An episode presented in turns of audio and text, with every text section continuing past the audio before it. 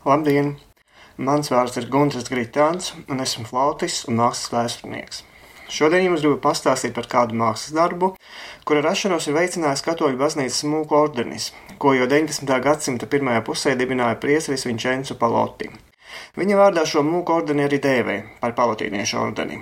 Palotīniešu darbības pamatīte ir tāda, ka visiem kristiešiem ir jāatgriežas pie Kristus dibinātās baznīcas un jāsajūt sevi kā vienu no viņa apstuļiem. Ordenim ir savas baznīcas, kur mākslas darbiem ir rādīta pienācīga vieta.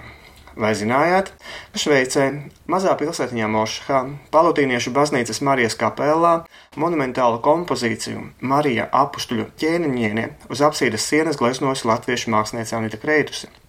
Gleznotājs runāja palotīniešu priesteris Adrians Villi, kurš bija iepazinies ar Kreituses ilustrēto bībeli bērniem, ko 2009. gadā laida klajā izdevniecība Kösel. Savukārt gleznotāju fascinēja ne tikai katoļu priestera Vieli personība, bet arī mazā 1939. gadā būvētā kapela, kas atrodas skaistā, gleznainā kalnu meža ieskautā Šveices vietā. Skiču sagatavošanas un apsīdes apgleznošanas process sākās jau 2013. gadā. Monumentālā sienas kompozīcija, kopā 49 figūras, tika gleznota akrila tehnikā, un tās kopēja izmēra ir 7,5 x 2,5 metri. Māksliniecei tika dota absolūta radošā brīvība. Vienīgais palotīniešu lūgums bija ievērot kanoniskās krāsas diamāta stērpa atveidē - sarkana kleita un zils apmetnis. Kreitusis sacerot šo kompozīciju ļāvās savai fantāzijai un visnotaļ laikmetīgajam redzējumam par reliģisku tēmu. 49 tēlu vidū bija gan izdomāti, gan arī māksliniecēji tuvi cilvēki. Piemēram, Svētajam Pēterim viņa piešķīra sava dzīves biedra Aleksandra Ribovska, bet kādai no sievietes figūrām savas mātes vaipsus. Reflektējot par laiku 21. gadsimtu, Kreitusē šķīta likumsakarīgi uzgleznot personāžu, kuram ir nepārprotama līdzība ar amerikāņu zinātnieku un uzņēmēju Billu Geitsu. Kreitusē it kā uzdot sev un mums jautājumu vai mūsdienu tehnoloģiju guru un viņa radītās vērtības var būt savienojams ar kristīgajām.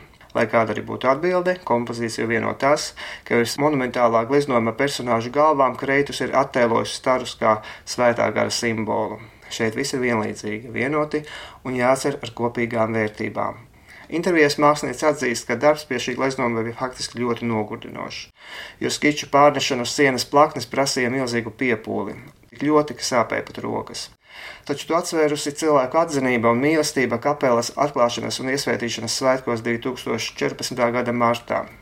Brīžos, kad šķita, ka darbs neveicas, spēku viņa deva kāda mūķine, kas ikdienas klusā nāca uz kapelu lūgties. Šīs lūkšanas devušas viņai spēku turpināt iesaukt to. Tā Šveicē, mazajā pilsētiņā Mošahā, ir radies viens no 21. gadsimta monumentālās glezniecības darbiem, kura autori ir latviešu māksliniece Anita Kreituse. Mākslas darbs, kas ir piederīgs arī Latvijas kultūrai.